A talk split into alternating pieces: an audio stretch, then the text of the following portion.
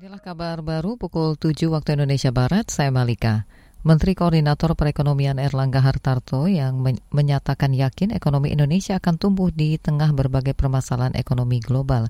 Ia bahkan mengklaim saat ini pertumbuhan ekonomi Indonesia menjadi yang tertinggi kedua di antara negara-negara G20. Tadi saya sampaikan Indonesia faktor uh, apa? Faktor eksternalnya masih sangat kuat. Sehingga Indonesia adalah tidak termasuk dalam negara yang rentan terhadap masalah keuangan.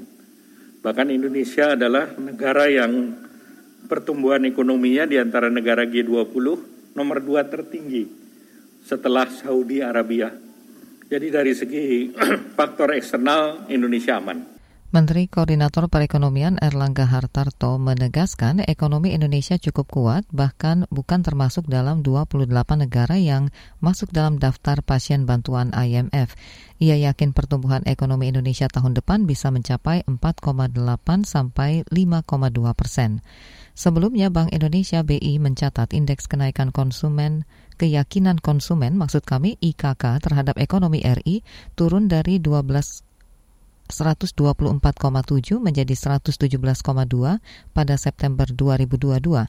Meski turun, Direktur Departemen Komunikasi BI Junianto Hendrawan melalui keterangan tertulisnya mengungkapkan optimisme konsumen terhadap kondisi ekonomi tetap terjaga, terutama ekspektasi penghasilan dan ketersediaan lapangan kerja. Panglima TNI Jenderal Andika Perkasa menyebut tiga prajurit TNI yang diduga terlibat kasus pembunuhan seorang ASN di Semarang saat ini tengah menjalani pemeriksaan. Ketiganya masih berstatus sebagai saksi, belum ditahan. Kata Andika, alibi ketiganya cukup kuat sehingga masih membutuhkan informasi tambahan dari masyarakat. Sebab dinyatakan di situ kan uh, alibi-alibinya itu cukup cukup kuat, nah, sehingga kami membutuhkan info-info tambahan dari masyarakat pun kami juga siap menerima eh, termasuk yang terjadi di Malang kan itu akan sangat membantu bila kami bisa mendapatkan info tambahan. Andika menjelaskan ketiga prajurit selalu menyangkal terlibat dalam kasus pembunuhan ASN Iwan Budi Prasetyo yang jasadnya ditemukan hangus terbakar di kawasan Pantai Marina Semarang 8 September 2022 lalu. Iwan dilaporkan menghilang sehari sebelum diperiksa sebagai saksi di Direktorat Reserse Kriminal Polda Jawa Tengah terkait kasus korupsi aset. Andika memastikan kasus tersebut bakal diusut tuntas.